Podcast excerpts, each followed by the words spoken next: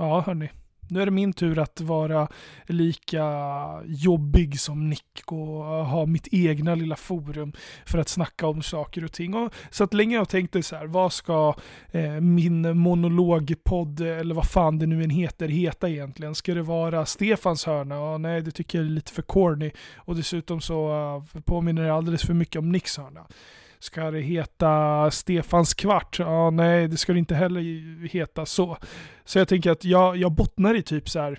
Vi har ju ändå haft ett, ett tema, det har varit utbytt, bänkvärmarna, jag vet inte om vi har haft eh, något annat framgångsrikt recept, men fan omklädningsrummet. Först tänkte jag Locker Room, så jag kommer på att det finns en annan fantastisk podd som heter Locker Room-podden eller något liknande, men omklädningsrummet värsta grejen. Omklädningsrummet, det är där allting händer. Det är där man snackar skit. Det är där man pratar om saker och ting som kanske inte nödvändigtvis alltid har med basket att göra. Och inte för att det här på något sätt handlar om att prata om något annat än basket, för det som Skölden säger, NBA är ju ändå vår kärnverksamhet. Så vi kommer ju såklart att, eller jag, vi, jag och alla mina personligheter kommer ju såklart att eh, snacka om basket och mycket kommer att handla om basket men det kommer också att handla om lite andra grejer när jag känner för det. Typ, eh, ja men jag kan ju börja med att jag precis har köpt en lägenhet. Jag har köpt en lägenhet eh, och eh, ni som känner mig eller har lyssnat på podden vet ju att eh, jag är ett stort fan av eh, AIK. Jag älskar AIK. Eh, jag har också varit med och grundat en basketförening inom AIK liksom, så det jag, jag har gjort saker och ting i AIKs namn, jag har hållit på klubben sedan jag var liten, jag går på matcher, jag har årskort etc. etc. Ni fattar moden. Så jag har köpt en lägenhet och jag har köpt en lägenhet precis utanför, precis utanför Friends Arena. Så när jag ska gå på matcher, då åker jag bara ner till våning fyra, går ut genom porten där uppe på platån. Sen så har jag min ingång till arenan, det vill säga ingång D, 10-20 meter framför mig. Jag kan bokstavligt talat gå ner, eller ta hissen ner från min lägenhet, eh, säg fem minuter innan, så är jag på arenan tre minuter innan eh, avspark. Vilken grej. Vilken grej. Jag har köpt en lägenhet där, 43 kvadrat, uppe på 17 våningen. Eh, balkongen är på 15 kvadrat. Så det, det, kommer vara, det kommer vara mode i sommar. Det kommer vara riktigt bra mode i sommar. Inte så jättestor lägenhet, men vet ni vad? Det är faktiskt helt okej. Okay. Det enda som stör mig, det är liksom att vissa grejer Eh, ja, det, det, det, det, är såklart att det, att det är nice på ett sätt. Jag ska inte vara sån. Men jag stör mig lite grann på den här uh, nyproddade känslan. Hajar ni vad jag menar? Det är liksom det är vanligt så standard parkettgolv, du vet, eller ni vet, som, som det alltid är i nyproducerade lägenheter. Det är, eh, det är liksom ingen personlig touch, utan det är väldigt mycket så industri. Det är så här det ser ut. Och det, det, det kliar mig lite grann. Jag ska inte ljuga, det kliar mig lite grann. Och Eh, det är klart att man skulle kunna ta lån och renovera hela grejen, men samtidigt så här, hur länge kommer jag vara kvar i den lägenheten och hur mycket pengar ska jag investera i den? Är det en bra investering att blåsa ut hela köket och bygga nytt eller byta golv överallt eller bygga ett helt nytt badrum? Jag är inte så säker på det. Jag är inte så säker på det. Men å andra sidan, vem är jag? Jag sålde bara av mina Östeuropa och Rysslands fonder innan det blev krig. Wink wink. Henrik Johansson och resten av Investbänken. Men jag har köpt en ny lägenhet i alla fall och jag är sjukt stolt. Jag har världens utsikt från 17 våningen, jag har nära till Friends, jag har nära till Mos ifall jag skulle behöva handla, träna eller shoppa något. Det är en station till jobbet med pendeln. Vilken jävla tid det är att vara vid liv. Och nu, nu letar jag inredning. Och jag tycker att det är sjukt svårt, inte för att jag har svårt att eh, lägga den där standard IKEA grabb, gråa grabbsoffan med divan åt sidan. Det är inte det som är problemet. Utan det är snarare att hitta saker och ting som, som funkar tillsammans. Alltså jag, jag vill jättegärna ha eh, ha ljusa beigea färger, lite brunt, lite beige, lite så här off-white etc. Men alla trädetaljer i vardagsrummet och, och, i matsalen vill jag gärna ha i valnöt för att jag gillar den kontrasten som, som det träslaget ger, eller den färgen snarare ger. Och det är svårt att hitta en, eh, eller ett soffbord med valnötsfötter, eh, heter det så. Men som också så är skitsnyggt. Så jag har fastnat för ett Noguchi kaffebord. Eh, och ni som inte vet vad det är så är det liksom en japansk designer tror jag att det är. Nu sitter jag här och killgissar bara. Det är som i omklädningsrummet, man bara sitter och säger massa halvsanningar. Men det är någon form av eh, japansk designer tror jag som har eh, gjort ett så här typ tidlöst soffbord där eh, själva benet som, eh, som, eller benen som den står på är väldigt speciellt och så är det en stor eh, glasskiva över och jag tycker det är skitnice. Men min plånbok tycker inte att det är lika nice, den kostar 30 lök. Så om det finns någon där ute som, som gärna vill att jag har det här kaffebordet eller det här soffbordet hemma, swisha med en slant, det är bara 30 lök. Det, det räcker med att 600 av våra tusentals lyssnare bara swishar en 50-lapp så, så har jag råd med det där bordet. Och det är väl det, är väl det minsta ni kan göra. Se till så att Stefan har ett bord som han faktiskt tycker om och inte fortsätter att eh, leta efter, eh, efter något som aldrig någonsin kan vara lika bra som det där bordet. För det, det är typ som, som när, man har, eh, när man har haft så här eh, intensiva känslor för någon. Och det, det, spelar ingen roll vem du träffar efter det, för ingen är hon. Eller ja, för min del är ingen hon. Och det stör mig som fan. För varje gång jag, jag hittar ett bord som, ah, det skulle kunna funka så bara, men det är inte, det är inte nog Gucci-bordet, jag är ledsen. Det är inte det, och jag kan inte släppa det. Jag kan inte släppa det. Och det är samma sak med, med mattor. Jag, jag vet inte, ni, ni får jättegärna hjälpa mig. Ska det vara, i och med att jag ska ha typ beige off-white, eh, alltså inte av märket off-white, men så här beige off-white vita eh, soffor. Borde jag då ha kanske lite gladare färger på mattan eller ska jag köra i samma typ så här beige choklad eh, kaffelatte ton på, på mattan också? Kanske borde köra lite mer färger. Men å andra sidan, jag kanske ska ha lite mer färger på, på väggarna. Kanske ha någon tavla någonstans eller någon poster någonstans eller någonting som någon polare någon gång har målat eller något sånt där. Jag vet inte. Jag vet inte. Ni får jättegärna slide i min DM och komma med inredningstips för jag letar för fulla puckar. Jag har däremot lyckats klippa världens skönaste säng. Alltså, den är värd varenda krona. Jag har nog Okej, okay, krydd aldrig. Men jag har, jag har, det var länge sedan jag låg i en säng och bara kände så okej, okay, det är den här sängen jag vill ha. Och så köpte jag den. Så jävla skönt. Så jävla skönt. Så nu är det bara nu är det bara matsalsbord och stolar och ja, men grejer till vardagsrummet. Soffa, soffbord, tv-bänk, tv, matta. Ja, ni fattar grejen. Sen ska ju massa andra små grejer också eh, köpas till. Lite vaser och uh, sådana saker. Men jag vill också ha, det här får ni också jättegärna hjälpa mig med. Jag vill jättegärna ha en möbel eller någon sån där inredningsdetalj som verkligen så här utmärker mitt hem. En eller två sådana saker. Vad skulle det kunna vara? Jag vet inte, en jättestor vas typ. Men ah, jag vet inte. Jag vet inte. Om ni har några tips, återigen, slide i DM. Glöm inte att swisha 50 spänn för Noguchi-bordet. Det är... Fan alltså, det där bordet. Jag vill verkligen ha det. Kanske borde starta upp mitt Onlyfans-konto igen. Ja, men eh, jag tycker också att vi snackade alldeles för lite om hit mot eh, Hawks och inte för att det finns sådär fruktansvärt mycket att prata om när ett lag går och vinner med, med massa poäng mot ett annat. Men det finns faktiskt någonting som är lite intressantare. Miami Heat har alltså det tolfte mest effektiva anfallet i NBA om vi kollar på sådana saker som Addis hatar, det vill säga siffror. Och om vi tolfte mest effektiva anfallet i NBA, det kanske inte är sådär jätteimponerande, men de har däremot det fjärde bästa försvaret. Och när Bam Adebayo är på banan så är det faktiskt det bästa försvaret i NBA. Och det här bygger ju ett case någonstans för att Bam Adebayo ska bli Defensive Player of the Year, men han kommer givetvis inte bli det. Ett, för att han inte har spelat tillräckligt många matcher, skulle jag tro. Två, oh, ursäkta. Två, kanske för att eh, Marcus Smart eller de andra finalisterna har eh, haft eh, lite mer utmärkande insatser än vad Bam Adebayo har haft den här säsongen. Och det är inte så konstigt eftersom han har missat ganska mycket. Nu, nu i ärlighetens namn zonade jag ut när skölden snackade om vilka som var finalister till Defensive Player of the Year utmärkelsen. Men eh, ah, jag är övertygad om att någon av de som vinner ändå förtjänar det på något sätt. Jag vet inte.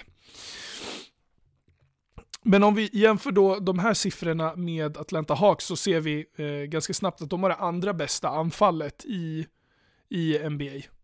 Och det förvånar mig faktiskt lite grann. Jag hade ingen aning om att de hade det andra bästa, eller det näst bästa anfallet i NBA den här säsongen. Men å andra sidan, det är väl kanske inte sådär superkonstigt med tanke på att eh, Trey Young har varit den spelaren han är i år. Det vill säga bättre än Steph Curry. För det har han ändå varit under grunds, eh, grundserien. Men när det här anfallet inte funkar, då kollapsar de. Och då finns det inte heller sådär fruktansvärt mycket att säga, för de har det 26 bästa försvaret i NBA. Alltså, det är lite, det, det är lite som, vet ni vad, Atlanta Hawks, de är lite grann som typ fattigmans Nets. De, de är alldeles för beroende av sitt anfall. Nu, innan, innan ni, innan ni liksom sågar mig helt och hållet. Det är klart att man inte kan jämföra Trey Young med Kevin Durant och Kyrie Irving. Men om vi bara tittar på hur beroende de är av varandra så är det väl ändå, äh, beroende eh, av, av anfallet så är det väl ändå safe to say att, att äh, om vi ser till helheten, wink wink nick, så är det väl ändå safe to say att båda, är, båda de där lagen är alldeles för beroende av sina respektive anfall och i ett slutspel så måste man faktiskt också spela försvar. Och det räcker liksom inte med det 26 bästa försvaret och det räcker absolut inte när Clint Capella är borta. För Clint Capella är väl kanske, om inte den bästa returtagaren, så åtminstone topp 3, topp 4 returtagare i NBA. Och torskar du honom så torskar du ganska mycket. Speciellt mot ett, eh, mot ett lag som Miami Heat. För vi ska inte heller glömma att Miami Heat är 3-1 mot Hawks i år. Förvisso har det varit ganska jämna matcher. Men Heat har också spelat en tredjedel av säsongen utan sina 3-4 bästa spelare. Det vill säga Kyle Lowry, eh, Bam Adebayo, Jimmy Butler, eh, Tyler Hero har kommit och gått, Duncan Robinson har kommit och gått. Eh, ja, ni hör ju själva. PG Tucker har varit borta ganska mycket den här säsongen, så de har aldrig riktigt fått den där stabila kontinuiteten. Men det har å andra sidan eh, lett till att spelare som typ Gabe Vincent, Max Struess, Caleb Martin, eh, Dwayne Dedman, Marcus Morris, när han inte har varit... Är det Marcus Morris? Någon av Morris-bröderna i alla fall, jag hatar dem båda två lika mycket. Eh, det har ändå gett dem utrymme att kunna lira och även om man kanske inte förväntar sig att de ska steppa upp i ett slutspel så har de åtminstone fått tillräckligt många mil i benen för att komma in och faktiskt lira. Tror jag. Och också så här, man saknar Clinton Capella och sett till de olika sätten som Miami faktiskt anfaller på är det svårt att tro att Onyeka och Kongo Alltså att han ens är i närheten, för de tappar returtagning. Och nu så förvisso så spelade John Collins, men det är inte den John Collins. Det, det tror jag nog att vi alla är överens om. Och är det ens vettigt att låta honom lira, för han har väl inte fullt frisk än eh, vad jag vet. Eller han kanske är helt clearad, jag har ingen aning. Jag har inte så superbra koll på, på Atlanta Hawks, men det kanske är vår gode vän att inte AIK Bobby eh, har eh, bättre koll på än jag. Och jag vet, jag, jag vet, inte om ni minns det här riktigt, men i början av säsongen så sa jag att Lowry var den första riktiga PG'n hit har haft sen ja, väldigt länge sedan, typ när Skölden recenserade Basketball Diaries i någon lokal blaska. Och jag tycker att vi märker det ganska mycket. Vi har ju märkt det liksom under säsongens gång, men Ursäkta, det är den här jävliga pollenallergin.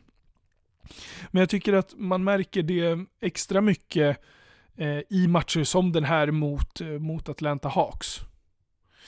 För det blir, det blir ett helt annat flow offensivt, det blir också Eh, en, ett helt annat, nu är det liksom inte bara Bam som är det defensiva ankaret, även om han faktiskt är det, så hör man och ser man hela tiden hur Jimmy Butler och Kyle Lowry och Bam, och egentligen hela laget, men så här, det, det, det, blir, det blir fler spelare som kan betydligt mer på ännu fler positioner och då så här, Kyle Lowry, han är ju kanske inte den absolut bästa försvarsspelaren, men han är samtidigt en mycket bättre försvarsspelare än vad, vad Goran Dragic någonsin har varit under hela sin karriär.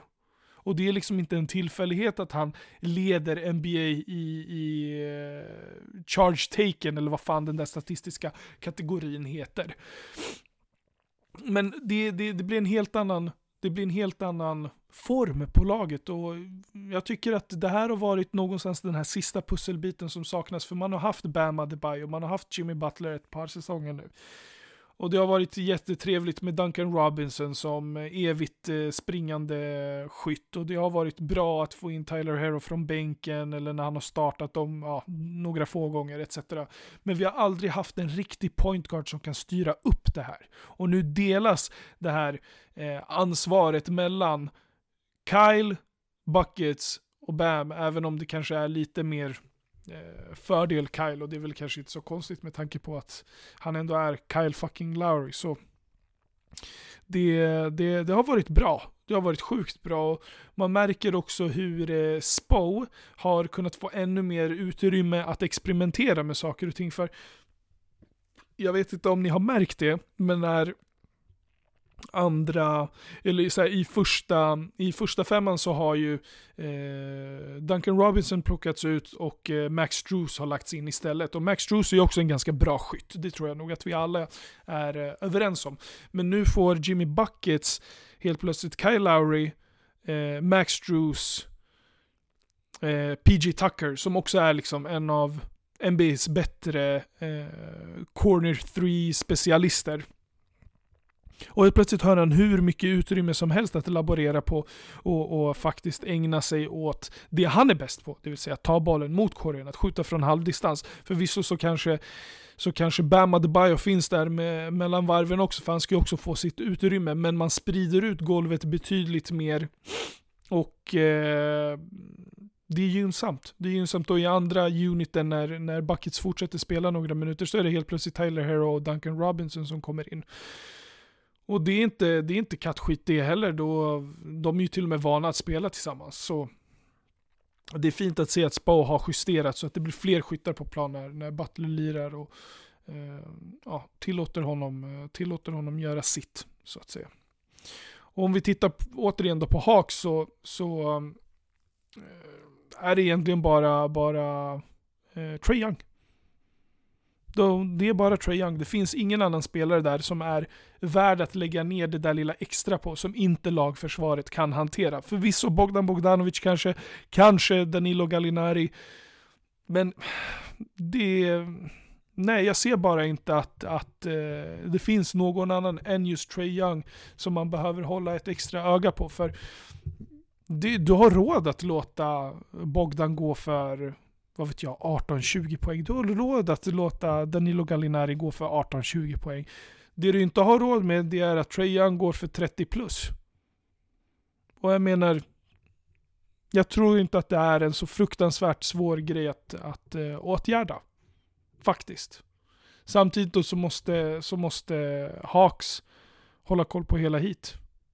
För är det inte PG Tucker som sätter en eh, trea i hörnet, är det Jimmy Bucket som tar den till korgen eller så är det Bam Adebayo som kommer på någon form av andra chans eller så är det Kyle Lowry som eh, skjuter från tre eller det, det är liksom Max Drews. Nu hade han förvisso en, en, en eh, dålig match men offensivt, inte defensivt, men offensivt hade han en dålig match. Men det där är också en spelare som i sinom tid kommer att, eh, kommer att kunna sätta sina skott.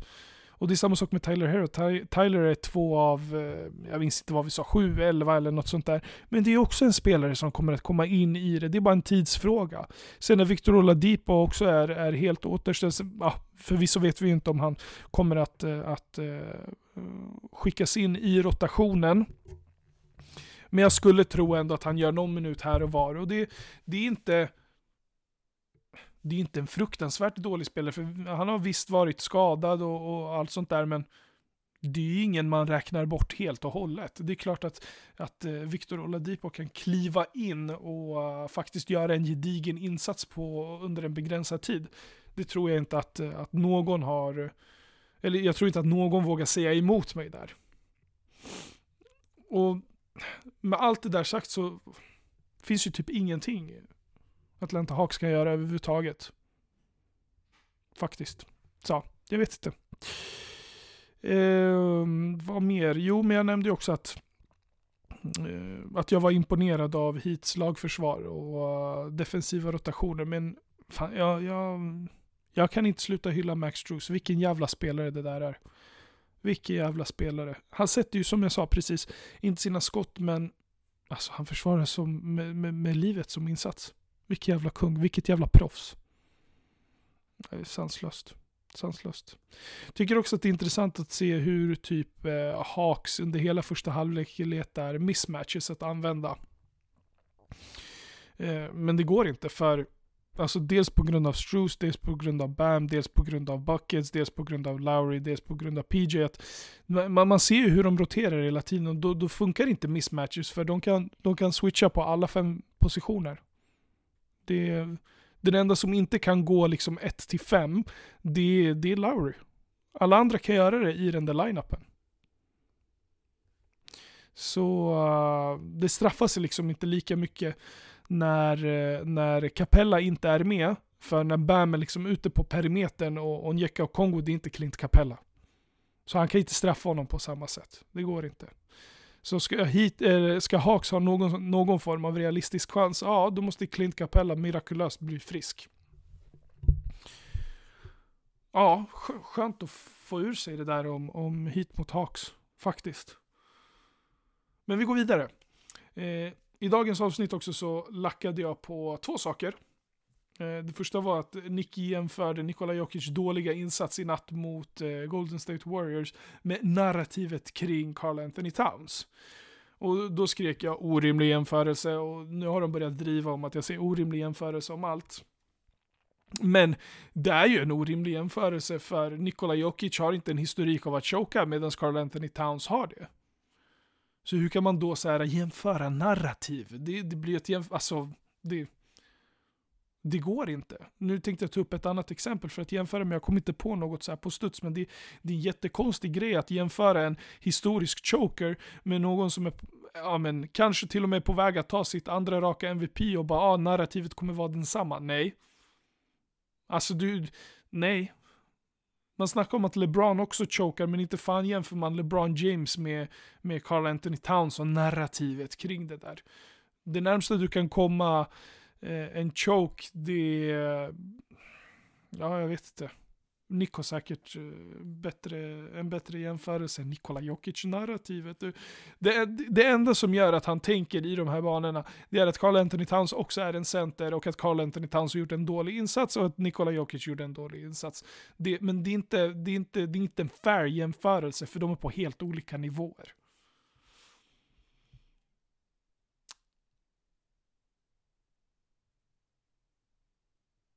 Sen så var det, det var någon till grej.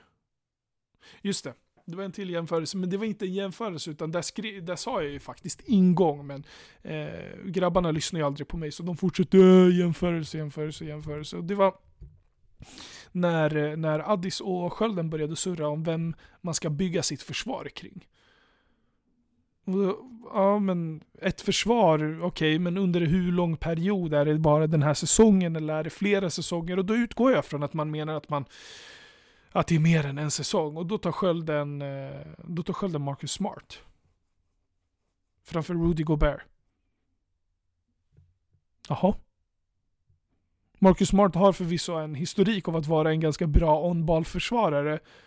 Men han har aldrig någonsin varit en banbrytande lirare eller så här, någon som du bygger ditt försvar kring. Det kanske har varit en han har varit en, en, en B-spelare försvarsmässigt, inte en A. En A-spelare det är Rudy Gobert eller Draymond Green eller Scottie Pippen. Det är A-spelare. Marcus Smart B. På sin höjd B+. Ska du bygga, alltså bygga ditt försvar kring en B plus-spelare? Det finns ganska många, det finns fler duktiga perimeterförsvarare än vad det finns eh, för, alltså defending bigs. För om vi tittar, om vi tittar på, på defending bigs kontra perimeterförsvarare, det finns en uppsjö av, av dugliga perimeterförsvarare. Men om vi kollar på defending bigs, det är Bama DeBio, det är Draymond Green, det är Rudy Gobert, det är Giannis Antetokounmpo, det är Jaron Jackson Jr. och sen då? Sen finns det inte sådär fruktansvärt många. Nu kommer Nick säga ja men Jarrett Allen eller Evan Mobley. Ja, Evan Mobley på sikt kanske. Jarrett Allen, han är helt okej. Okay. Helt okej okay, eh, rim protector, men han är inte så mycket mer än så. Tyvärr. Så uh, det är klart att du bygger ditt försvar kring någon av de där andra jag har nämnt framför, framför Marcus Smart. Förvisso så kanske det finns eh, perimeterförsvaret som är sämre än Marcus Smart, men du har ju hellre, du har ju hellre, hellre liksom en B-minus perimeterförsvarare än en uh, eh, rutten jävla big som inte kan, kan switcha på någonting. Det är ju solklart. För mig i alla fall. Slutligen då så vill jag bara säga att jag är fruktansvärt trött på Attack on Titan. Jag vet inte hur många det är som kollar på den, på den serien, men jag är jättetrött på Attack on Titan.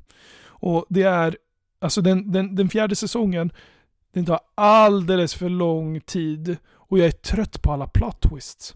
För först gör Eren en sak, sen gör Seke en sak, sen svarar Eren på något och sen så kommer Seke igen från vänster. Alltså det är bara fram och tillbaka, det är som en jävla pingpongmatch. Brö, det räcker. Dra i handbromsen. Sluta. Vi fattar. Plot twist, de är säkert skitroliga, men det räcker. Och jag orkar inte hålla och kolla på, på, på massa avsnitt hela tiden. Den här sista säsongen, den är typ 300 avsnitt lång. Det räcker. Jag är trött. Kom bara fram till saken. Så med det sagt så undrar jag också, har ni tips på annan anime? Jag kollade också nyligen på Cowboy Bebop. Och slogs typ över hur bra den faktiskt är. Och det är sanslöst hur den Alltså hur den sammanväver massa olika genrer och får de olika karaktärerna. För det är tre, tre säg fyra huvudkaraktärer. Men alla de är ganska ensamma också. Och den här ensamheten den kommer fram på, på, på ett helt annat sätt.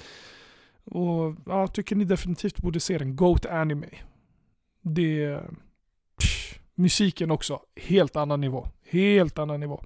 Så om ni har tips på, på annan anime som, eh, som jag kan se framöver, slide i min DM. Det hade varit kul att och surra lite, lite anime med er också. Så jag vet inte, ska jag kolla på någon ny Netflix-serie? Har ni, har ni kollat på Top Boy? Jag har inte sett sista avsnittet av Top, eller sista säsongen av Top Boy. Det kanske borde bli dags att, att plöja igenom den. Är den värd? Jag har hört lite blandade, lite blandade åsikter om den. Ja, jag vet inte, fan anime nu också. Fan mer ska vi snacka om nästa gång. Ska vi kanske snacka om, eh, om eh, Formel 1? Eh, fan, ska man börja kolla på Formel 1 som alla andra töntar? Det är en grej nu när det är intressant på Netflix va? Jag vet inte. Ja, ja. Nog om det. Fan vad skönt det var att snacka av sig. Äntligen någon som lyssnar på mig. Inte bara bryter mig hela tiden och, eller höjer rösten eller surplar kaffe eller skriker eller whatever. Känns skönt. Kanske blir mer av det här framöver. Hm. Ja, ja. Ta hand om er där ute. Glöm inte att bänken aldrig ljuger och eh, tänkte säga följ oss i so sociala medier. Men det här är ju min podd så följ mig. Omklädningsrummet. Vilken grej. Första avsnittet. Puss.